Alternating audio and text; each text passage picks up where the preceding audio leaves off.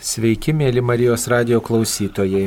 Šioje katechezės laidoje prisiminkime truputėlį Maksimilijoną Kolbę, kuris šiandien kaip tik tai bažnyčios yra minimas, nes jis 1941 metais rūpiučio 14 dieną Osvencimo Aušvico koncentracijos stovykloje savanoriškai pasiaukojo ir mirė vietoj nepažįstamo kalinio tam, kad išgelbėtų to kalinio gyvybę. Ir labai nuostabu, kad šita data, rūpiučio 14, yra galima sakyti žolinės išvakarėse, žolinės mergelės Marijos ėmimo į dangų išvakarėse, o šventasis Maksimilijonas Kolbė buvo ypatingai pasišventęs mergeliai Marijai, nekaltai pradėtai mergeliai Marijai ir visą gyvenimą paskyrė jos garbė, jos žinios kleidimui. Ir šventuoju Maksimilijoną Kolbę paskelbė šventasis popiežius Jonas Paulius II 1982 metais ir jis Maksimilijonas Kolbė laikomas politinių kalinių, šeimų, judėjimų už gyvybę, užtarėjų, žmonių priklausomų nuo narkotikų, užtarėjų, žurnalistų ir tų, kurie patiria įvairius sunkumus, apsisprendimuose globėjas. Taigi prisimename šį šventąjį ir kartu su tėvu kudikėlio Jėzaus Pranciškumi Nekrošiumi, Švento Jono broliu, norime kalbėti apie tą gyvybės atidavimo aspektą, gyvybės dovanojimo aspektą, kiek mes esam kviečiami save dovanoti, save pašvesti kitiems žmonėms. Aišku, čia tai, ką padarė Jėzus Kristus ant kryžiaus ir štai šiandien minimas Maksimilijonas Kolbė yra toks aukščiausias meilės ženklas, aukščiausia pasiaukojimo viršūnė, kada žmogus galvodamas apie kitą, visiškai dovanoja save ir savo gyvybės nepagailė tam, kad kiti turėtų gyvenimą, tam, kad kiti turėtų palengvinimą. O kaip yra mums? Mes ne visi turbūt atiduosim savo gyvybę dėl kito žmogaus, bet turbūt yra kasdienybė tų mažų tokių savęs dovanojimo aspektų. Kiek mes esam kviečiami savęs dovanoti kitiems. Garbėjai Kristui, malonus Marijos radio klausytojai, labai smagu, kad galime kartu pasigilinti į šituos mūsų tikėjimo klausimus. Iš tiesų, kad galėtume gyventi taip, kaip viešpats nori, o jis nori, kad mylėtume vieni kitus taip, kaip jis mus mylėjo, nes toks yra jo testamentas paskutinėje vakarienėje. Mes pirmiausia turėtume atsiminti, jog svarbiausias mūsų gyvenimo momentas, svarbiausia akimirka yra mūsų mirties akimirka.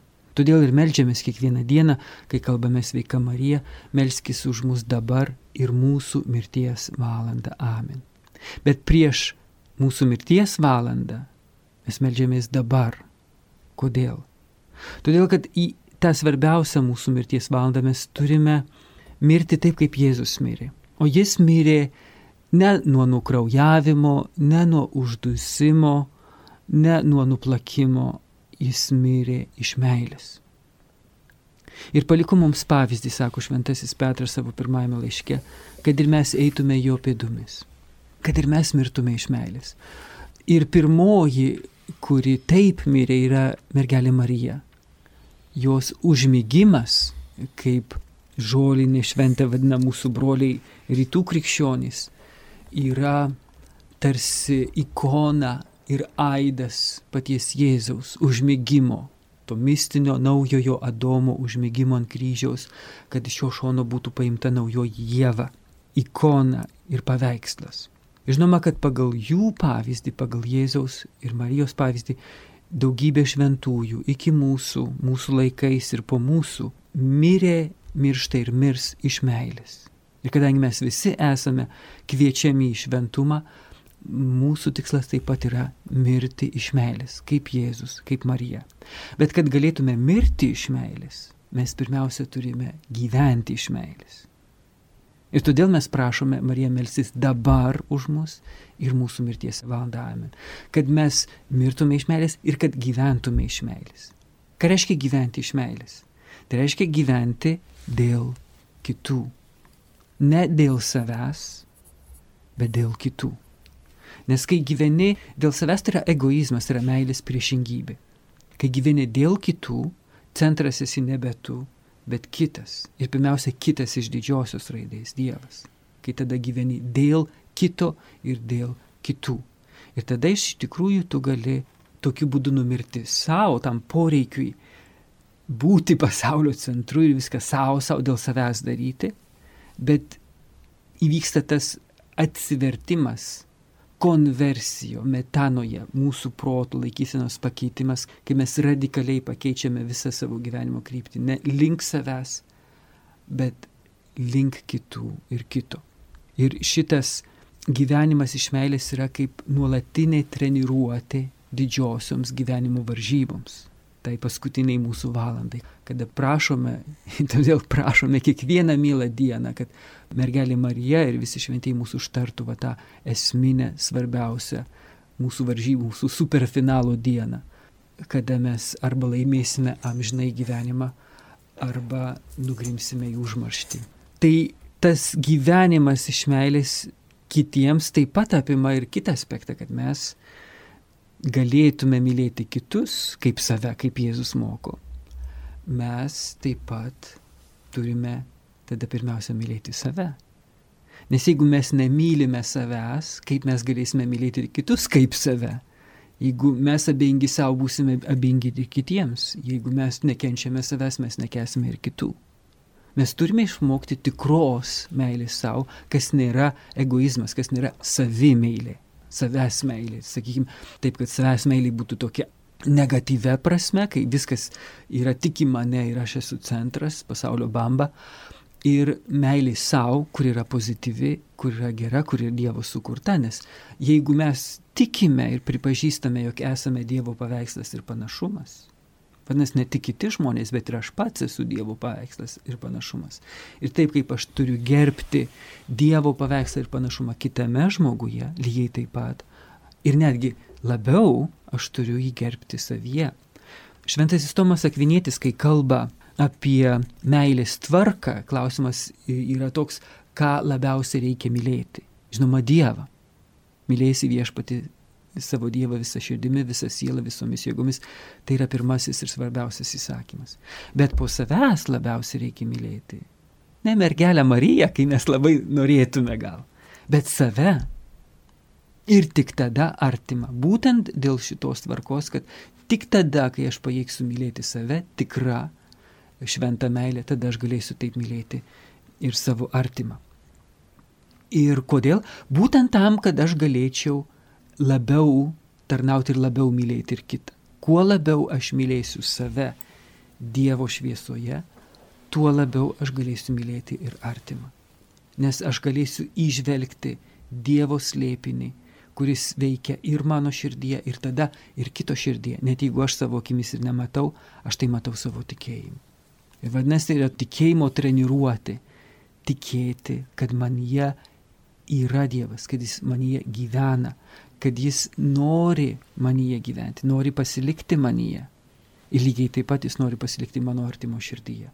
Yra tos nuolatinis tikėjimo mankšta, tikėti tuo, tikėti, nors piktasis ir ką uždėtų į ausis, žiūrėk, koks tu esi menkas, koks tu esi neištikimas, koks tu esi, nu va toksai va, zanūda, kaip žmonės sako.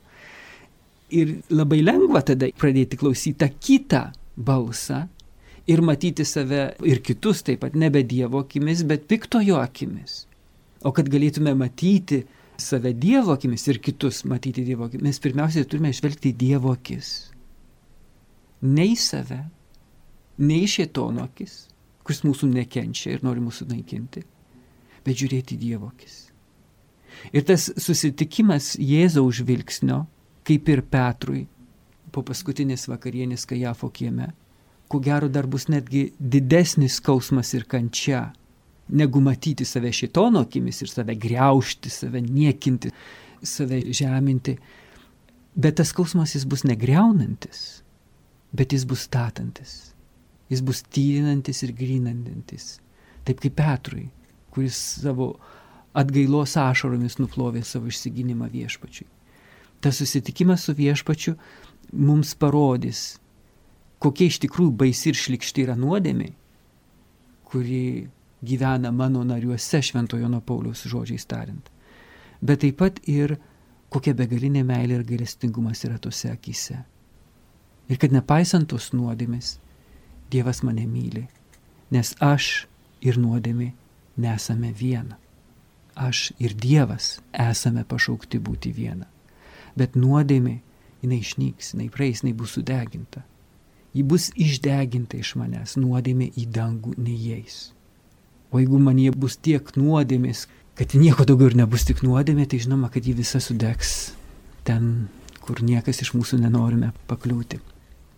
Bet mūsų viltis yra dangus ir mes esam pašaukti žvelgti į viešpati Kristų ir kasdien žvelgiam į kryžių, kuris primena, kad Kristus už mūsų savo gyvybę atidavė. Tai kaip mes galime mokytis mylėti taip, kaip Kristus myli kasdienybėje, dovanojant save, kad tą paskutinės kovos valandą tikrai mes galėtume džiaugtis, jog visą gyvenimą ėjom šito link. Aš manau, kad labai svarbu įgi atsiminti, kad jeigu Jėzus kaip žmogus, kaip žmogus, tikras žmogus, nors jis žinoma yra ir tikras Dievas, galėjo šitaip mus mylėti, tai pirmiausia todėl, kad jis mylėjo tėvą.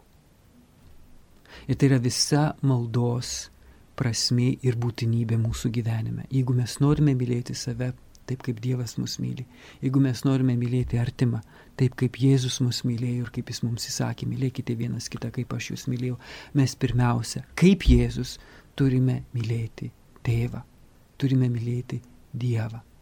Ir tik tada mes pajėgsime mylėti taip, kaip Jėzus mus mylėjo, atiduodant savo gyvybę už kitus. Tarp kitko, tai, ką Jėzus sako per paskutinę vakarienę, kad nėra didesnės meilės, kaip gyvybę už draugus atiduoti. Mes pirmiausia galvojame apie Jėzaus auką ant kryžiaus už mus. Bet Jėzus greičiausiai, sakydamas tuos žodžius, kaip visada, jis pirmiausia galvoja apie tėvą. Nes tėvui sūnus, jo mylimasis sūnus, yra jo gyvybė. Pats brangiausias dalykas. Tai, kas yra mums žmonėms brangiausia - gyvybė, Taip tėvui brangiausia yra jo sūnus. Ir jis tą sūnų atiduoda už pasaulio gyvybę. Vadinasi, mes galime interpretuoti šitos Jėzaus žodžius ne tik apie jo auką, bet ir apie tėvo auką už mus. Nėra didesnės meilės, kaip gyvybę savo mylimą į sūnų už draugus atiduoti. Vadinasi, jeigu mes nuolat arba kiek įmanoma dažniau ir giliau ir intensyviau būsime su tėvu taip kaip Jėzus. Jis nuolat buvo su tėvu. Aš esu tėve ir tėvas manyje. Ir tada aš darau nebe savuosius, tada aš darau tai, ką esu matęs pas tėvą. Ir būtent malda tada mus ir išmokys. Mylėti tada ir taip ir tą, kaip tėvas nori, kad mylėtume. Pažiūrėkime, kaip Jėzus pasišaukė savo mokinius, kiekvieną šaukė labai skirtingai. Kiekvienas žmogus yra absoliučiai skirtingas, unikalus ir todėl nėra bendros taisyklės, kaip visus vienodai mylėti. Nėra tokios taisyklės. Kiekvienas žmogus yra unikalus ir kiekvieno širdį yra unikalus kelias. Ir todėl mes turime klausyti šventosios dvasios, išsilavinti šitą klausą vidinę, ką jinai pasakys, nes vienam gal reikės tiesiog ranką ištiesti ir padėti kažkokiam darbė, kitam pasakyti gerą žodį arba net ir griežtesnį žodį. Trečiam tiesiog tyliai išklausyti. Kiekvienam yra labai skirtingas būdas jį mylėti. Ir tik šventoji dvasia geriausiai žino, nes jį yra širdžių tyrėja. Ji žino, kas yra geriausiai tam ar kitam žmogui. Ir, ir vadinasi, mes turime išmokti klausyti, bet taip per šitą dievišką internetą sužinoti, kas yra kito širdį ir ko labiausiai jam reikia. Ir kitą kartą šventoji dvasia mus gali paraginti padaryti tai, apie ką mes žmogiškai visai net nepagalvotume, bet ji žino, kad mes tam žmogui būtent reikia tokio žodžio arba tokio veiksmo, visai ne to, ką mes spontaniškai žmogiškai norėtume padaryti. Bet atrodo, žmonės daug meldžiasi, skiria laiko net ir adoracijai, skiria laiko ryto vakaro maldoms, mhm. dalyvauja mišiuose, priima komuniją, eina iš pažinties ir tikrai atrodo klauso pagal savo galimybės, kiek jie yra pasaulyje, mhm. klauso viešpaties, skiria laiko tokiam svarstymui, kurie galėtų labiau mylėti save, paukot, pašves, bet vis tiek kartais atrodo, kad per maža, nepakanka. Žmogus tiesiog tik maitina save, bet tos meilės liūdėjimo vis pasigenda. Pasaulis iš mūsų krikščionių, iš bažnyčios narių. Galbūt mes netaip melžiamės, galbūt netaip klausome. Ne tik kartais, bet šių labai dažnai taip atsitinka. Nes iš tikrųjų Dievas nėra formulėse. Dievas yra gyvas ir jį galima atrasti ir juo gyventi tik tai gyvenant va tikrą pilnatvišką, pilnakraujišką, aš sakyčiau, žmogaus didžiąją raidę gyvenimą. Ir kaip jį gyventi, tai čia yra tas visas paradoksas, kad broliška meilė mūsų žmonių gyvenime po nuopolio pirmiausiai nėra nesužeisti kito neužgauti kito. Žinoma, kad mes turime stengtis nesužeisti kito ir neužgauti jo. Bet pirmiausia, mūsų rūpestis išmokti priimti žaizdas iš kitų, taip kaip Jėzus priemėjęs iš mūsų. Nežiūrėkit, kas iš tikrųjų sužeidė, nukryžiavo ir nukankino Jėzų ant kryžiaus. Žydai? Romėnai? Ne. Aš. Ir tu. Mes jį prikalim prie kryžiaus. Ir kai skaitom pirmajame laiške Petrui, kentėdamas jis negresnai, jis paliko mums pavyzdį, kad eitume jo pėdomis ir paskutinės įlūtės yra, jo žaizdomis mes esame išgydyti, tomis žaizdomis, kurias mes patys jam padarėme. Kodėl?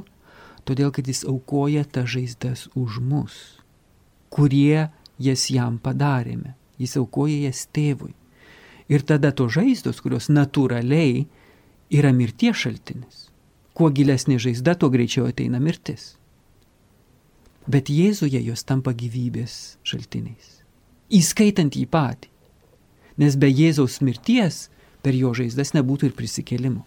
To žaizdos, kurias mes jam padarome, jį galiausiai padaro prisikėlusiuoju. Išprovokuoja jo prisikėlimą. Kodėl? Todėl, kad jis jas aukoja už mus iš meilės. O kai mes matome tik tai savo žaizdose mirties šaltinį, tai mes tada esam kupini keršto, neapykantos ir pykčio ir ta mirtis tampa dviguba, ne tik fizinė, bet ir dvasinė mirtis. Bet jeigu mes aukojame savo žaizdas, taip, nes Jėzus paliko mums pavyzdį, kad eitume jo pėdomis, kaip sako Petras. Nes jeigu mes irgi einame jo pėdomis ir pagal jo pavyzdį aukojame savo žaizdas už tuos, kurie mus žaidžia, tada mūsų žaizdos irgi tampa gyvybės šaltiniu ir mums patiems, ir tiems, kurie mūsų žaidė.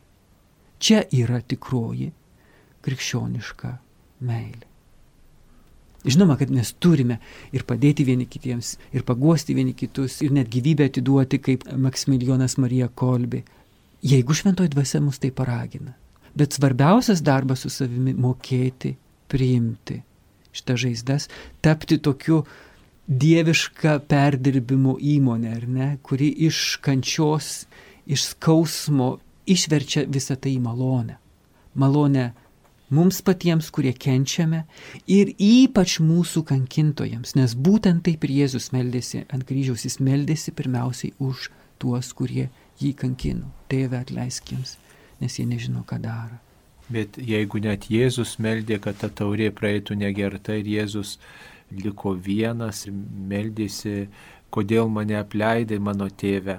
Tai reiškia irgi tokia kova tikriausiai išgyveno pats viešpats Jėzus, neždamas tą kryžių ir kentėdamas tą kančią net ir iš meilės, iš rūpeščio mums. Tai lygiai tą pačią kovą tikriausiai išgyvena kiekvienas žmogus, kai patiria žaizdą iš kito žmogaus ir tokią sumaištį išgyvena, galbūt ir nori gerą linkėti savo valia, savo tikėjimu, savo meilę, mhm. kurią iš Dievo gavo, kurią viešpats jame kursto, tačiau tas skausmas, tas neteisybės, tas pajutimas, tas mhm. nuoskaudos pajutimas skatina turbūt reaguoti kitaip kas galėtų padėti šitoj vietoj žmogui daugiau meilės į tą mhm. savęs dovanojimą, į tą prieimimą kito įsileisti.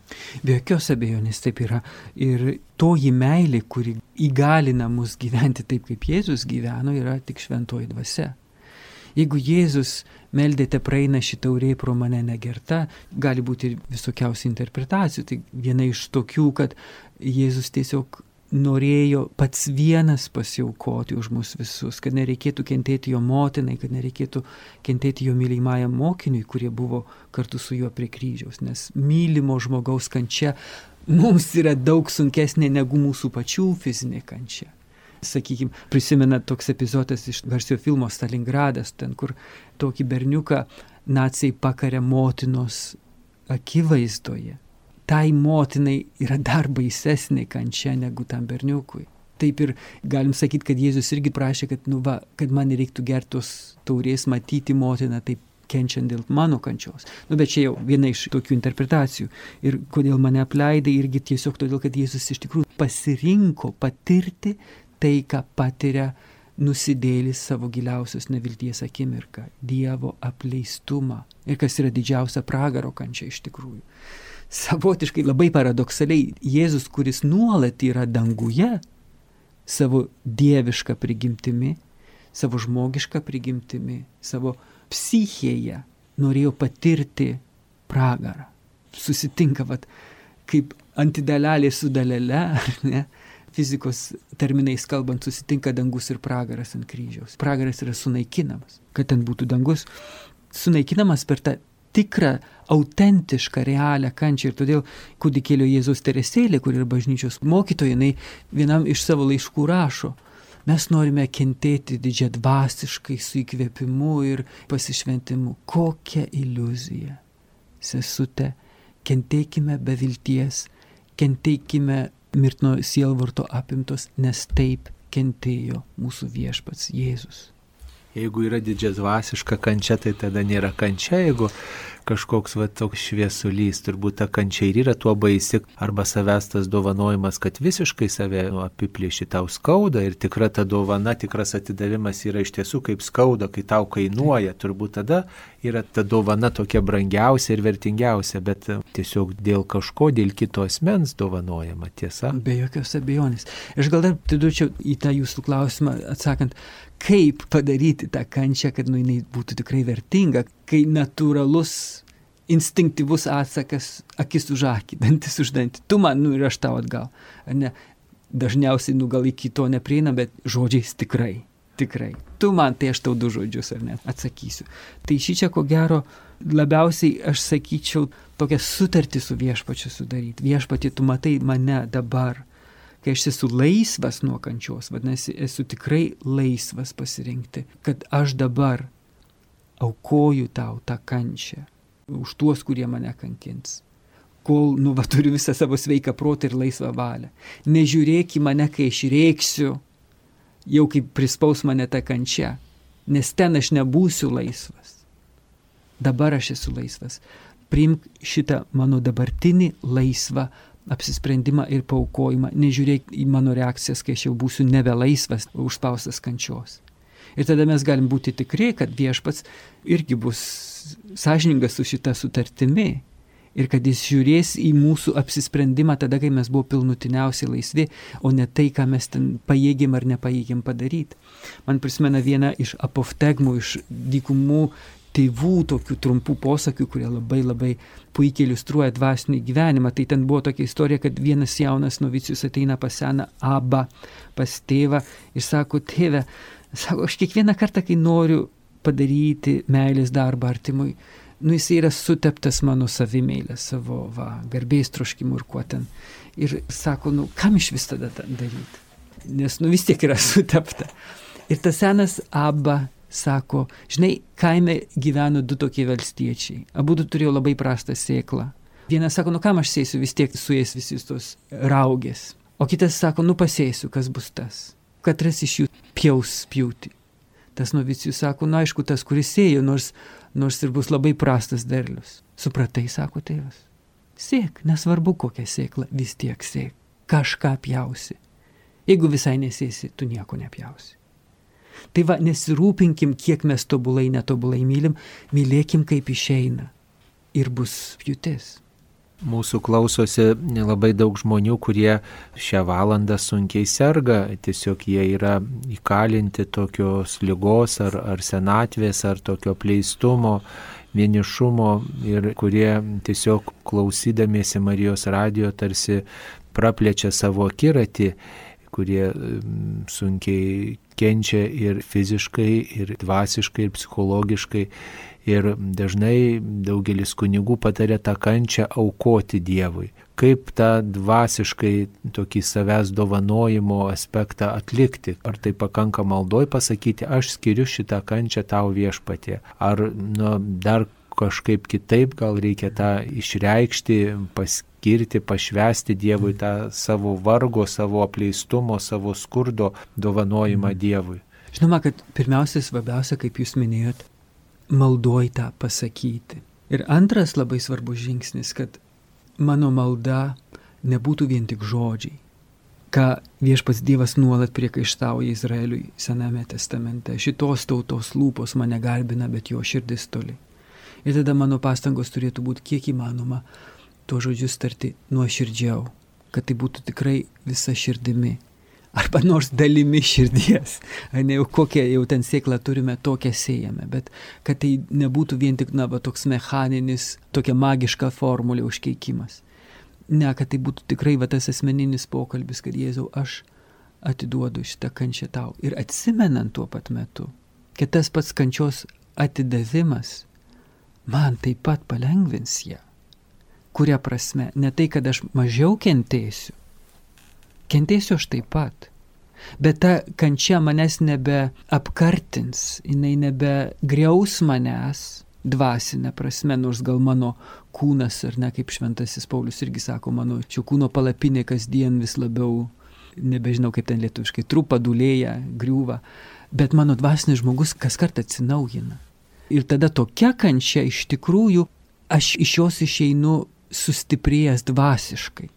Nors labai nusivaręs fiziškai, sakykime, bet aš esu sustiprėjęs dvasiškai, nes aš ją jungiu su viešpaties kančia. Tai nebėra vien mano kančia, tai yra Jėzaus kančia. Jam nereikia, kad aš jam aukočiau savo kančią. Man reikia ją paukoti, kad man būtų lengviau, ta prasme, kad ta kančia įgaus prasme, kad ji yra už kažką, dėl kažko paukoti ir kad jinai nešvaisiu. Matysiu aš ar jie ne, šioje žemėje aš jį tikrai matysiu amžinybei, bet jį nešvaisiu. Jeigu grūdas nekrinta į žemę, jis pasilieka vienas, jeigu jis krinta, jis neša gausių vaisių. Ir ta vaisingumo mintis yra labai labai didelė paguoda. Ir man čia prisimena kitas šventasis. Jis buvo apaštalas vienoj Okeanijos saloj, berots Petras Klaveras, jeigu neklyst. Ir kai atvyko į tą salą apštalaut, jokio vaisingumo. Šiaip netaip atvertė to salos karaliaus sūnų, vienintelį, kuris jį paskui išdavė ir jį nukirstino. Žodžiu, visiškas pravalas, kaip žmonės sako, ar ne? Vienintelis, kurį atvertė ir tą prarado, jis išdavė jį ir paskui nukirsto, niekas nesivertė. Bet po jo mirties per ten kelis mėnesius pusė salos atsivertė koks yra vaisingas. Vėl prisimena man tas išbandymas palaimintojo Mykolo Sopočkos, šventosios Fustinos dvasios tėvo, kai gailestingo kultas buvo uždraustas Vatikanu.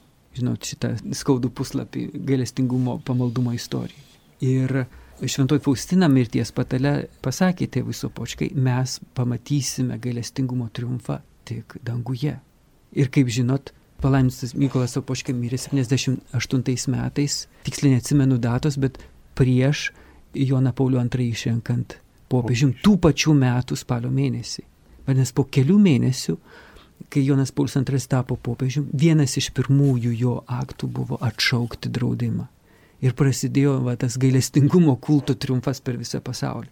Kaip irgi va, tas kritimas į žemę grūdo neša va tokį vaisių. Taip yra ir su mūsų kančia. Mes nematom jos prasmės, yra tamsu, yra baisu, yra šal, yra skauda, bet jeigu mes vienijam tai su viešpačiu, slėpiningai tai mums duoda jėgų ir toliau kentėti, ar ne?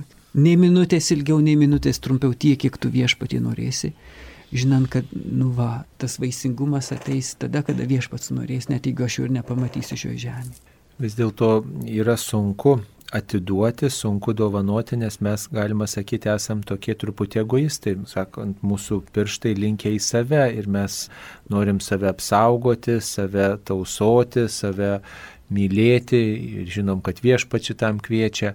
Ir tas atidavimas, dovanojimas savęs, tai toks išėjimas tarsi iš savo saugumo, iš savo namų, iš savo širdies, iš savo minties, iš savo piniginės, iš savo būsto. Žodžiu, savęs tam tikras apiplėšimas.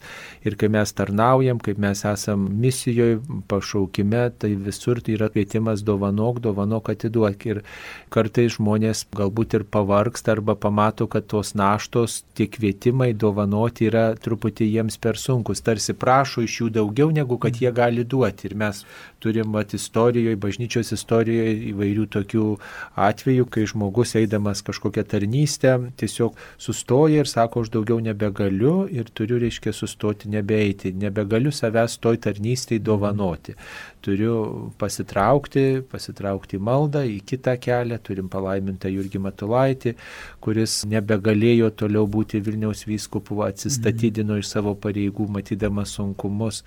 Turim Benediktą popiežių, Benediktą XVI, kuris irgi susidūrė su savo ribotumu, trapumu ir matydamas, kad nebesusidoros su tais iššūkiais, kurie yra, pasitraukė. Turim dar keletą pavyzdžių, kai žmogus mato ir savo galimybę, savo sveikatą, mato iššūkius, ką apie tai galėtumėt pasakyti? Ar tai, reiškia, žmogus turi nustatyti, kur yra ta riba, ar tai yra, na, gal kartais ir bėgimas nuo tų iššūkių, kurių viešpats dovanoja? Gali būti įvairiai, žinoma.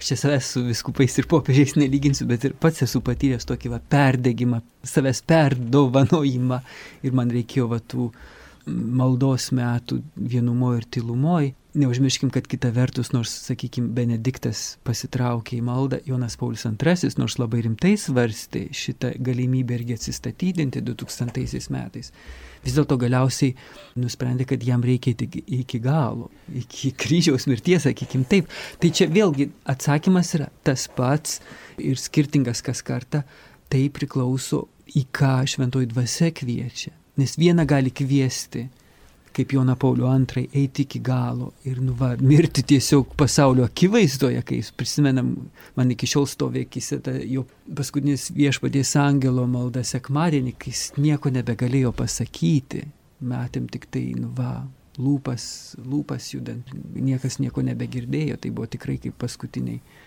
agonijos tokie trūksmai ir matom Benedikto XVI visiškai ramus, toks nuolankus, pareiškimas, kai visi kardinolai pasimetė ir nebežinojo, jie čia teisingai suprato, ką jie čia išgirdo ir netikėjo savo ausimis.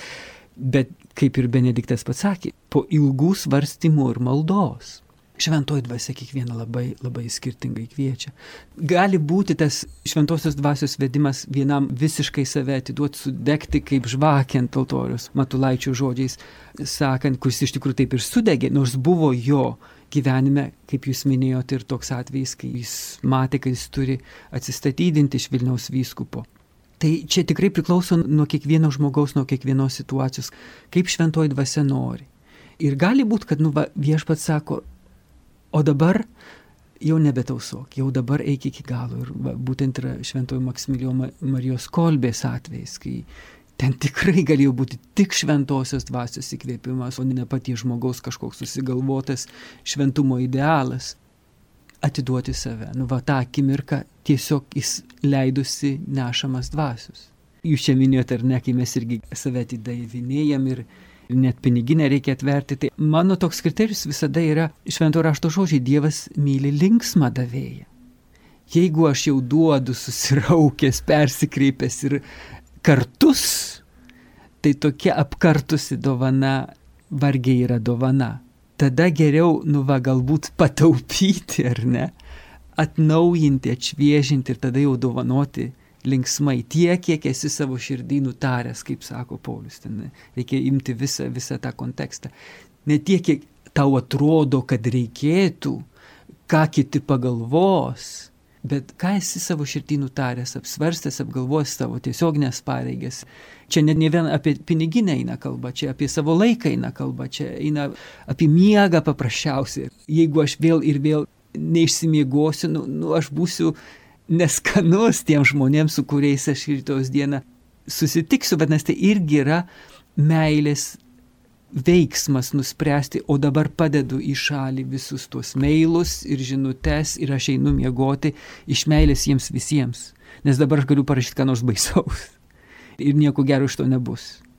Reikia to dieviško apdairumo, išvalgumo, sumanumo, būkite gudrus kaip žalčiai ir nekalti kaip balandžiai. Bet kas Dievo akivaizdoje gali būti vertingiau, ar tai, kad, reiškia, aš vis laukiu, laukiu, kada čia tas noras mano aukoti, dovanoti, skirti jėgas bus toks labai nuoširdus, sukauptas, ar tiesiog matau, kad vat, reikia, kažkas paskatino, kažkas gal per sukastus dantis, bet skiriu, kas yra Dievo brangiau. Ar galim taip klausti? Taip, žinau.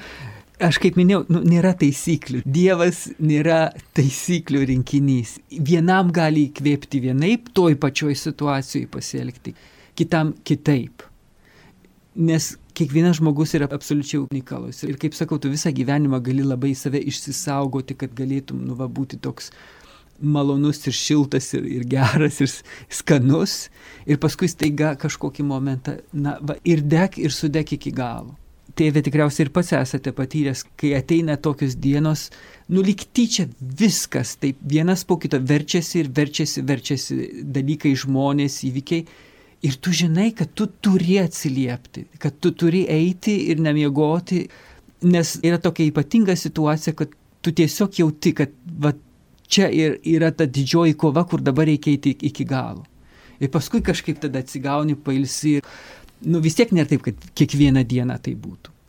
Jeigu yra kiekvieną dieną, tada jau tikrai būtinai reikia va to apdairumo ir sumanumo ir kas labiausiai gali padėti tai vėlgi dvasios palydėtojo pagalba atskirti, kur čia iš tikrųjų Dievas šaukia, kur čia šitonas gundo gražiais darbais, nes tai irgi yra labai didelė pagunda. Ir tokiu būdu pražudyti, pražudyti kitus.